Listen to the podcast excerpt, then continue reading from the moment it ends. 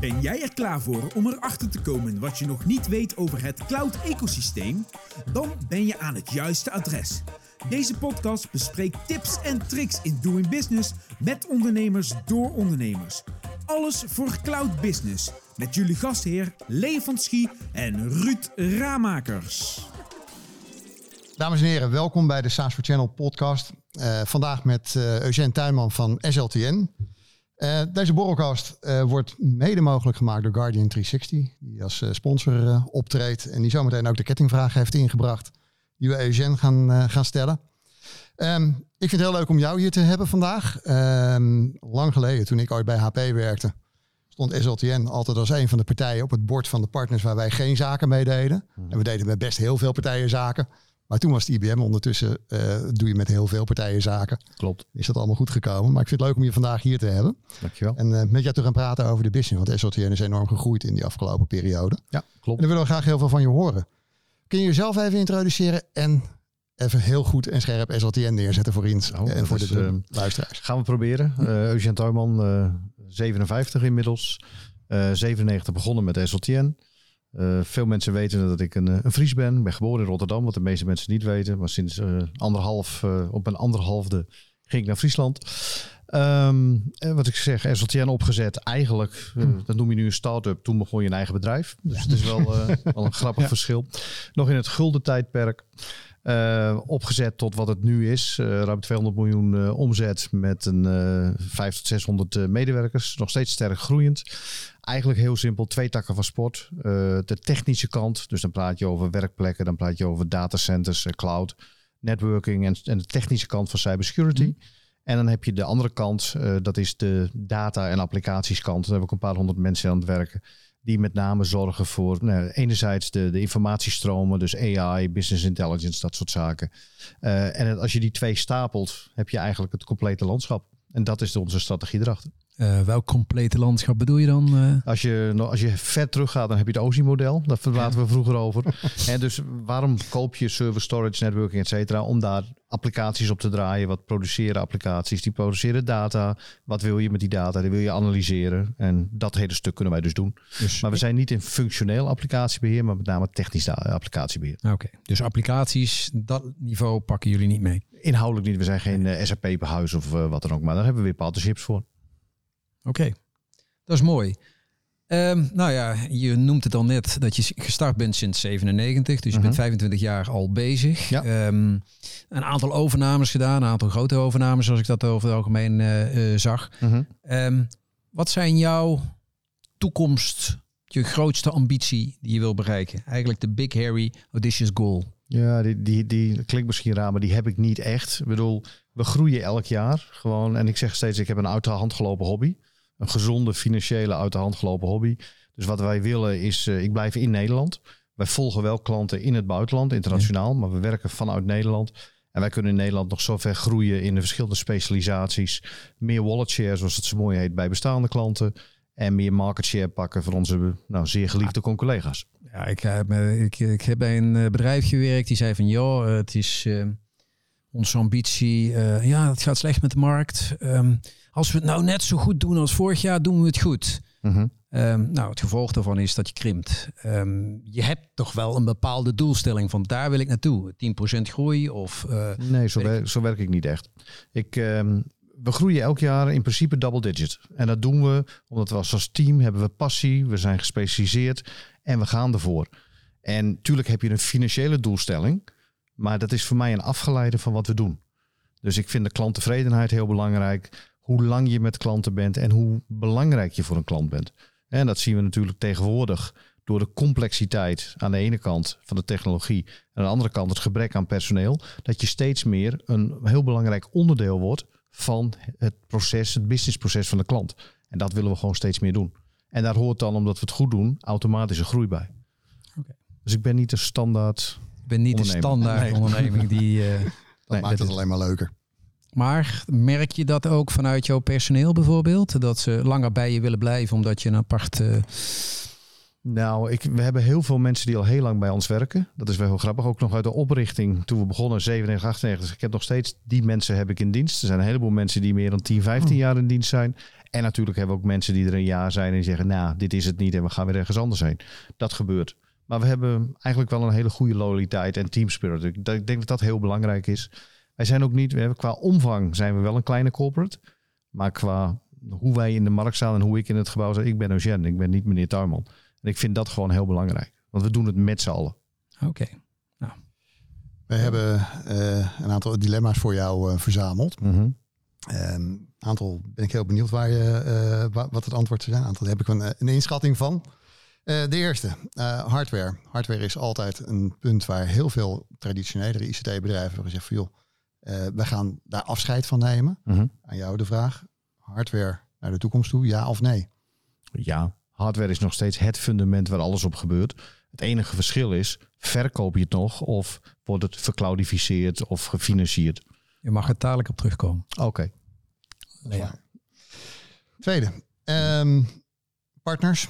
Eh, traditionele partners, nieuwe partners. HPE, Google. Welke van de twee? Beide mag je niet zeggen, hè? Nee, hè? maar dan, kom- dan kom je op Google uit. De laatste. Eh, de overheid heeft een strategie gelanceerd dat eh, Nederlandse bedrijven zoveel mogelijk uit de Nederlandse cloud zouden moeten afnemen. Mhm. Ben je het daarmee eens of oneens? Oneens. Oké. De verdieping. Nou, De verdieping. wat wil je nuanceren? Nou, de, laten, we, laten we zeggen, de, nou, nuanceren. Nee, ik wil benadrukken. Als je kijkt naar de Nederlandse cloud en die discussie. Ja. eh, ik geloof daar niet in. Het is de internationalisering en je moet bedrijven de vrijheid geven om te willen kopen waar ze willen. Daarvoor hebben we het internet, een mondiale omgeving. Je kan wel zeggen, ik wil bepaalde dingen reguleren of proberen te reguleren. Alleen dat moet wel in alle billijkheid en redelijkheid zijn met het ondernemen. Oké.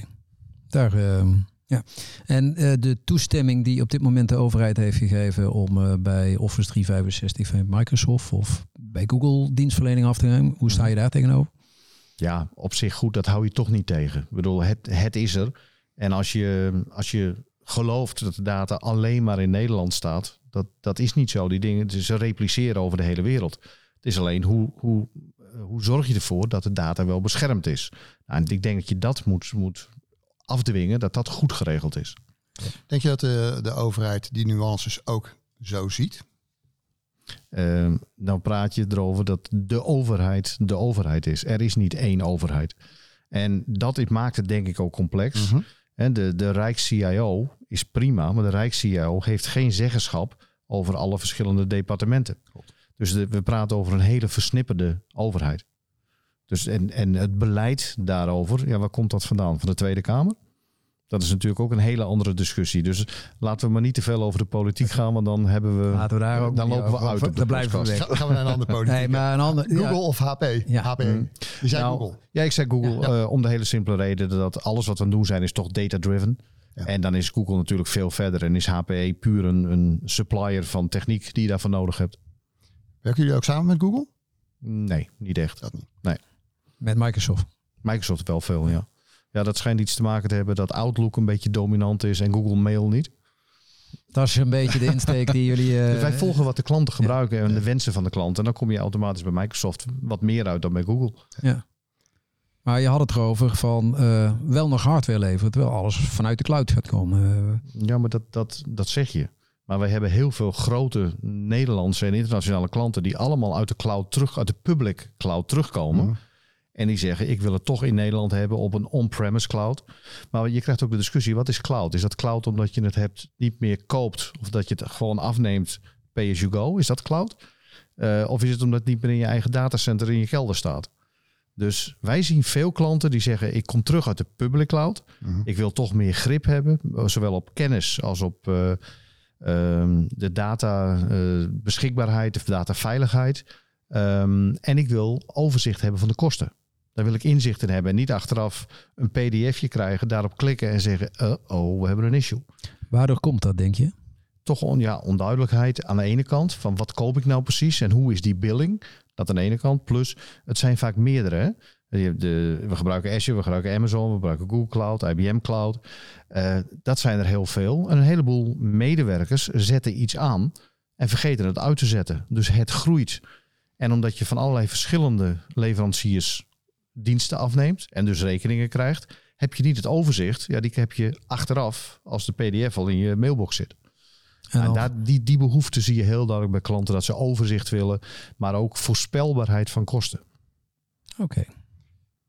Als je kijkt naar de afgelopen twee jaar, en ik ga net als met het vorige interview COVID even uitsluiten. Oh, Wat, zijn, wat zijn de twee belangrijkste strubbelingen die jij bent tegengekomen? Ehm, ja, strubbelingen. eh, ik denk uitdagingen als, als, als bedrijf. Dat is enerzijds natuurlijk de snelheid van de digitale transformatie die zich inzet. Dus op de techniek, hè, wat, wat steeds sneller gaat. En dan kom je automatisch de mens daarbij. Dus dat is niet alleen de hoeveelheid personeel, dat is een struggle. Maar met name ook de, ja, de mogelijkheid van het bestaande personeel om de nieuwe technologieën op te pakken, uit te voeren, kwalitatief. Terwijl je ook nog oude technologie moet ondersteunen. Wat doe je daaraan richting je mensen? Eh, we hebben zo'n zo'n hele speciale kap. En die zetten we op het hoofd. En dan kunnen ze een nieuwe firmware krijgen. Dat is leuk. Dat is, willen maar- we wel eens een keertje een uitdaging. hebben. Ja, daarom, daarom. Dat is, eh, dat is een investment die we doen. Ja. Nee, ehm, wij proberen zoveel mogelijk te kijken wie, hè, welk type mens wil zelf ook verder ontwikkelen. Hè, want sommige mensen zeggen, ja, maar ik vind het prima. En ik wil helemaal dat nieuwe softwarematige wil ik allemaal niet. Ik ben heel happy. Dus dat respecteer je dan. Tenzij uiteindelijk dat wegvalt, ja, dan heb je wel een issue als medewerker en wij ook als bedrijf. Maar anderzijds toch kijken welke mensen willen nieuwe technologie adopteren en op die manier met elkaar proberen dat te adopteren.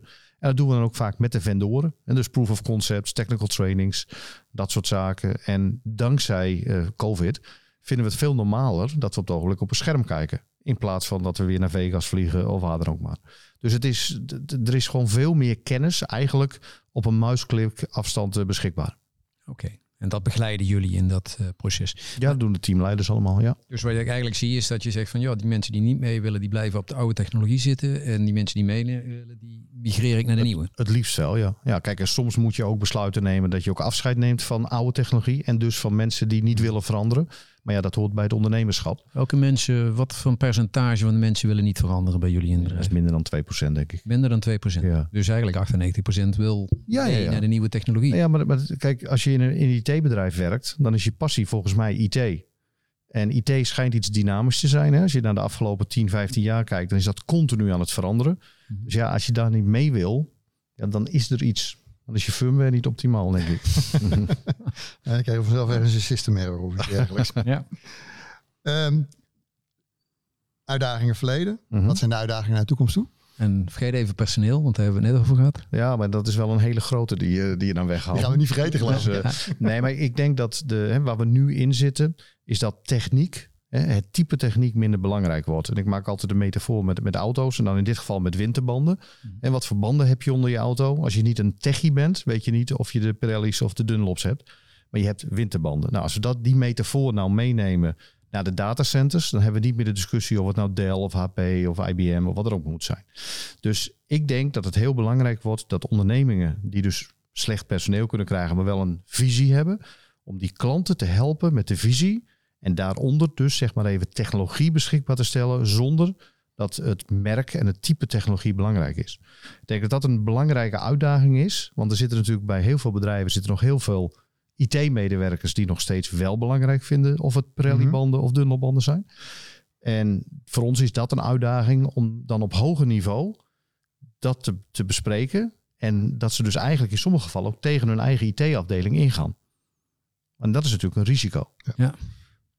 Dus dat, is, dat is één uitdaging. De tweede uitdaging is, en dus dan noemen we het geen personeel, maar dat is wel de nieuwe technologie zodanig, eh, noem het maar even, inkopen en beschikbaar hebben, dat je er ook nog geld aan kan verdienen. Dus met andere woorden, de timing. Wanneer je nieuwe technologische oplossingen kan implementeren bij bedrijven. En wat is daar de beperkende factor? Ehm, dat is toch denk ik de adoptiegraad bij de bedrijven. De bedrijven en instellingen Mhm. natuurlijk. Waarbij, je kijk, we hebben nu hele onzekere tijden. Even los van de energie en dergelijke. Maar het is gewoon, laten we zeggen, rommelig. Het is rommelig in het, eh, zeg maar even, het beleid van ons kabinet. En het is rommelig in, het, in, in de kosten, personeel, waar, waar gaan we heen en dat soort zaken. En daartussendoor moet je als bedrijf je route bepalen. En je route voor continuïteit en groei. Want daar gaat het uiteindelijk om. En als je dan besluiten moet nemen, denk je van ja, weet niet, ik heb geen duidelijkheid. Daar zit denk ik de grootste uitdaging. Helder. We hebben, ehm, al even gesproken over een aantal partnerships eh, Mhm. eh, die je hebt. Ehm, als je kijkt naar het totale ecosysteem. Jullie zijn een, grote, een van de grotere ICT-dienstverleners eh, in Nederland. Mhm. Werk samen met een grote hoeveelheid grotere en kleinere partijen, software en hardware. Mhm. Hoe gebruik jij dat cloud-ecosysteem om succesvol te kunnen zijn? Ja, hoe gebruik ik het? Ik denk hoe de organisatie het gebruikt. En dat, dat, Ja. is, dat is dan toch heel sterk afhankelijk van de situaties. Daar waar wij een, hè, bijvoorbeeld een klant die dan terugkomt uit de cloud, waar we het hele datacenter gaan migreren, vervangen en up en running brengen. Vervolgens komen de applicaties komen erop. Dan moet je heel goed teamen met al die verschillende applicatieleveranciers. En dat kan je eigenlijk maar op één manier doen. Dat het voor iedereen een win-win is en open en eerlijk. Dus transparantie is super belangrijk. En niet ketenaansprakelijkheid van ja, maar mijn VM'tje doet het. Ja, ik zeg met de klant Mhm. heeft niks. Ja, nee, dat doet het. En dus dat je gezamenlijk de verantwoording ook neemt. En hoe zoek jij daar de juiste partners bij? Ja, dat, dat, dat gebeurt gewoon door de jaren heen. En net, net zoals je, je bestaat een aantal jaren. Dus er is een belang voor alle partijen om met elkaar te werken. En dat hoeft niet per se te zijn. Hè. Guardian 360 kenden we een aantal jaren geleden niet. Maar ons security team zei van dat is een hele mooie oplossing. Die is betaalbaar. Toevallig is het ook nog een Nederlandse organisatie. Dus dat is makkelijker dan met een grote Amerikaan die beursgenoteerd is. En ik geloof dat hun product goed is. En hun partnerplan is ook goed.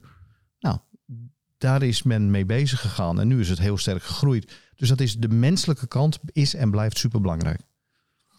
We hadden hiervoor een gesprek met, eh, met Jan Martijn van, eh, van Guardian 360. Die zei Mhm. ook van de beloningen zijn goed. Maar ik Mhm. begrijp dat het veel belangrijker is eigenlijk die totale samenwerking. Ook in de dienstverlening om uiteindelijk jullie succesvol te kunnen maken. Nou, het is een combinatie. Hè. Kijk, sales wordt afgerekend op marge. Dus de beloning moet goed zijn.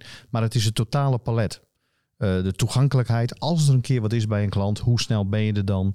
Of wapper je dan gelijk met je terms en conditions? Zeg je, we zijn niet liable. Of zeg je, dit is heel vervelend, wij gaan hier wat aan doen. Oké, ik zie dat jullie in bepaalde segmenten werken. Mhm. Welk segment scoor je of wil je scoren met Guardian 360 bijvoorbeeld? Nou, Guardian 360 is niet echt een vertical segment. Dat zie ik veel meer als, als een segment qua marktgrootte. En eh, wat Martijn zei, ja, MKB, daar geloof ik niet zo in. Eh, ik, ik denk dat puur MKB, die is niet bezig met moet ik Guardian 360 hebben of iets anders. Dus ik praat meer over mid-market en kleinere corporates. Dus wat mij betreft van 50 tot 2.000, 3.000 man. Dat is een heel mooi segment waar Guardian 360 prima in kan werken. Oké, dat is mooi. Ehm, andere vraag. Waar buiten het personeel geef jij het meeste geld aan uit?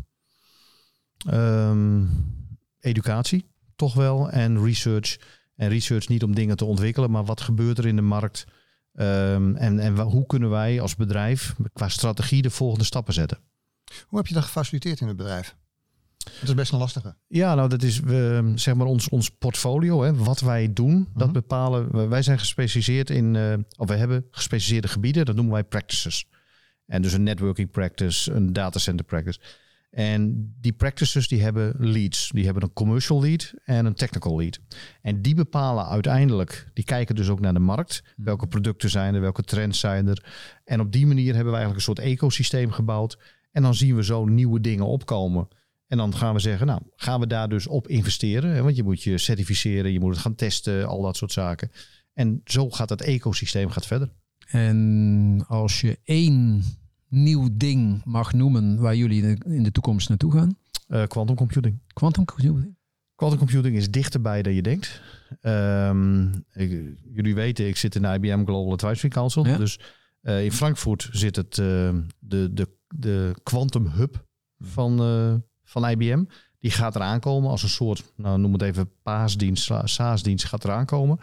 En we verwachten 2024 dat de eerste echte commerciële quantum computing er even beschikbaar is. Nou, we weten allemaal dat quantum computing is zo supersnel dat dat een, nou ja, een, een ja, als je het hebt over security en dergelijke, is natuurlijk een heel groot issue. Ja. Nou, dus daar ben ik persoonlijk redelijk mee bezig, waarbij ik dus ook eigenlijk de route wil volgen richting klanten. Are you quantum ready? Ja, want het komt eraan. We houden het niet tegen. En ik, ik hoor dus van IBM dat de ontwikkelingen op het ogenblik sneller gaan dan ze zelf hadden gedacht. Oké. En dat is dan toch wel heel wat anders. Hoe maak je applicaties quantum ready? Je moet ze gaan poorten. Je moet ze gaan testen. Maar ook is jouw huidige datacenter infrastructuur is die quantum proof. Ja, als je op het En ogenblik wat kijkt. zijn de normale antwoorden? Zijn er mensen überhaupt, zijn er bedrijven überhaupt die al quantum ready zijn? Nou, men is er wel mee bezig.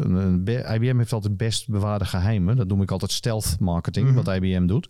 Maar ehm, de laatste storage systemen en dergelijke, die zijn al quantum ready gemaakt. Dus, en ook eh, quantum proof. Dus daar zit al een bepaalde manier van software en chips in die in staat zijn om quantumcomputers te vertragen. Om quantum computers te vertragen. Ja, dat die dus zeg maar binnenkomt. Ja, Ja. Dus de computer kan je niet vertragen, maar dat die bij jou in jouw netwerk binnenkomt, penetreert. Dus dat, daar ben ik, dat verwacht ik de grootste change te, in de komende twee, drie jaar te zijn. Oké, dat is al sneller dan dat ik dacht Mhm. qua ontwikkeling. Handig hè, zo'n podcast. Handig, ja. Ja, precies. leer- Krijg je weer nieuwe dingen, leer je weer iets. Nee, de laatste keer wat ik hoorde was dat het 2028, 2029 zou zijn. Nee, het komt dichterbij dan je denkt. Ah, En eh, ja, dan eh, snel. Je hebt een eh, mooi bedrijf opgebouwd. Bijna 600 man personeel. Mhm. Ehm, stel dat jij je taak, je wil eigenlijk nog, nog veel meer gaan zeilen, meer gaan varen, of het zeilen is. Ehm, je zou de taken over moeten dragen. Wat is het belangrijkste advies dat je je, v- je opvolger zou meegeven? Ja, ehm, onderdeel zijn, ik denk onderdeel van het ecosysteem, zowel je eigen bedrijf als de relatie met je leveranciers en je klanten. Dat is het allerbelangrijkste. Dus sta er middenin. En maak er, maak er echt deel van uit. Ik denk dat dat het allerbelangrijkste is wat ik, wat ik zou willen voorstellen. En ehm, besturen is wat anders dan ondernemen. Dus mijn opvolger zou ook veel meer een ondernemer moeten zijn dan een bestuurder. En kan dat nog bij een bedrijf met 600 man? Ik denk het wel. Ja, ik zou niet weten waarom niet. Het is, ehm, ja, waar een wil is, is altijd een weg. Oké. En zo stuur jij ook op dit moment je bedrijf aan? Eh, in principe wel, maar wel. Ik heb een idee en dan overleg ik dat met mijn practice leads of, of welke andere managers dan ook. Maar zeg ik, nou, volgens mij is daar een kans. En als ze dan allemaal eh, nou ja, hoofdschuddend weglopen, dan denk ik, nou, ik ben te vroeg. Ik ben heel vaak te vroeg met ideeën. Maar als ze zeggen, ja, er zit wel wat in, dan wordt het vanzelf al opgepakt. Het idee van quantum computing en eh, bedrijven gereed maken? Daar is mijn organisatie nog niet zo mee bezig. Nee, en dat is ook logisch, want Ja. die moeten zorgen dat de huidige cloud, de multi-hybrid cloud, daar zit meer dan genoeg uitdaging in. Alleen omdat ik dus in die council zit, zie ik waar een IBM mee bezig is en waar ze op inzetten. En ik weet ook hoe ver ze zijn en denk van nou, dit, dit gaat komen. Ik vind het een mooie invulling wat dat betreft van dat midden in dat ecosysteem tussen klant en leverancier zitten. Ik, eh, ik, heb, ik heb inderdaad in je LinkedIn gezien dat je in meerdere partnercouncils van meerdere ve- vendoren zit. Ja. En op die manier de feeling houden met de markt. Dat geeft je wel de mogelijkheid om inderdaad vooraan te blijven lopen. Ik, ik weet waar bijvoorbeeld een IBM, maar ook waar een Dell en een HPE. Ik zit op global niveau, op CEO-niveau, ken je ze ook. Dus je weet waar ze mee gaan komen. En dat is natuurlijk heel belangrijk. Dus daar kan ik onze organisatie op voorbereiden. Maar dan moet je nog steeds het goede moment van lancering hebben. Want Ja. anders heb je een geweldig product, maar niemand wil het kopen. Ja, dat klopt. Bekende dingen. Dan krijg de, je de de, Philips Betamax. CD-ROM Ja, of de Ja. Betamax. Ja. Na jou komt eh, Sven Visser eh, Mhm. van de Dutch Cloud Community. Mhm. Ehm, wat zou je van de Dutch Cloud Community willen weten? Wat zou ik willen weten? Of wat zou de vraag zijn die je aan Sven zou willen stellen? Nou, ik, denk een hele actuele. Hoe ga je om met het explosieve stroomverbruik en dus de kosten? Een heel simpel voorbeeld. Wij, wij gebruiken, ik geloof, 40.000, 50.000 euro per maand aan energie. En we kregen zo'n leuk briefje dat het nu 150.000 wordt. Nou, dan hebben wij wel een leuke clausule erin staan. Geachte meneer van Klanteren, gij gaat meedelen in de ellende. Maar dat heeft natuurlijk ook een enorme impact in de datacenterindustrie. Want er zullen een heleboel zijn die dat niet hebben. Dus komt er dan een shake-out of niet? Ga je dat inventariseren? Dus hoe ga je om met de toenemende kosten van energieverbruik in je business? En dan met name qua liabilities. Hele goede vraag. Gaan wij Sven aan tafel hebben, gaan we het hem vragen. En komt hij terug. En Nou jullie, mag moet- jij inderdaad. en jullie moeten mij nog wat vragen van Martijn's vraag. Ja, dat klopt. Wat, zijn, wat is jouw belangrijkste les als ondernemer wat je iemand anders zou willen meegeven? Ja. Een startende ondernemer zou willen meegeven. Nou, nogmaals, je moet geluk hebben. Maar je moet gewoon echt geloven in je plan. Je moet er vertrouwen in hebben. En wat ik altijd zeg, het glas is altijd half vol. En anders schenken we hem bij. en, Mooie uitspraak. En ik bedoel, ik heb, eh, we hebben een hele mooie rechte lijn nu hè, van, van startend bedrijf naar 200 zoveel miljoen. Maar daar zaten ook wel dalen in. Met alle moeilijke dingen van dien. En hoe moeilijk het af en toe ook is. eh, ik zeg altijd, als je wil, met een beetje geluk, kan je alles bereiken. Ook in Nederland, ondanks alle regeltjes en dergelijke. Maar dat kan. Dus dat zou ik je mee willen geven. Gewoon geloven in je eigen verhaal. Wel vooruitdenken in scenario planning. What if then else? Ehm, en dan ja, kom je er vanzelf. Ja. Eigenlijk is dat de helft van de laatste vraag die we wilden stellen. Want is welke twee tips zou jij ondernemers mee willen geven die Ja. luisteren naar de podcast? Ja. Dit was alweer op de starters. ja. Zijn er nog eh, andere tips die je zou willen meegeven? Nou, je, in de, in de we hebben het over ICT-ondernemers. Ja, oké. maar, maar kijk, eh, ik ga er even vanuit dat, dat, dat je vanuit ICT materiedeskundig bent over wat je doet en wat je wil doen. Ik denk dat je heel snel, zeker tegenwoordig, loop je tegen zo'n oerwoud van wet en regelgeving aan. Die niet altijd eh, eh, allemaal de goede kant op gaan, maar ook vaak tegenstrijdig zijn. Ik denk dat het heel belangrijk is dat je vanaf dag één een, een partner hebt. Dat kan een accountantskantoor zijn, een advocatenkantoor, die je daarin helpt. Want jij wil bezig zijn met ondernemen. Ondertussen moet je aan zoveel zaken voldoen. Dat kan je er vaak niet bij hebben. En dan doe je alles half met alle risico's van dien. Dankjewel. Mooie tip. Zijn er nog vragen in de zaal voor Eugène? Ja. Welk bedrijf? Hoi, eh, mijn naam is René Smit. Eh, in het Engels, waarom?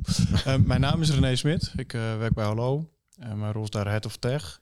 En wat ik me afvraag, ehm, hoe zorg je ervoor dat de kennis en kunde van je personeel eh, up-to-date blijft? Je gaf al aan, we hebben weinig verloop.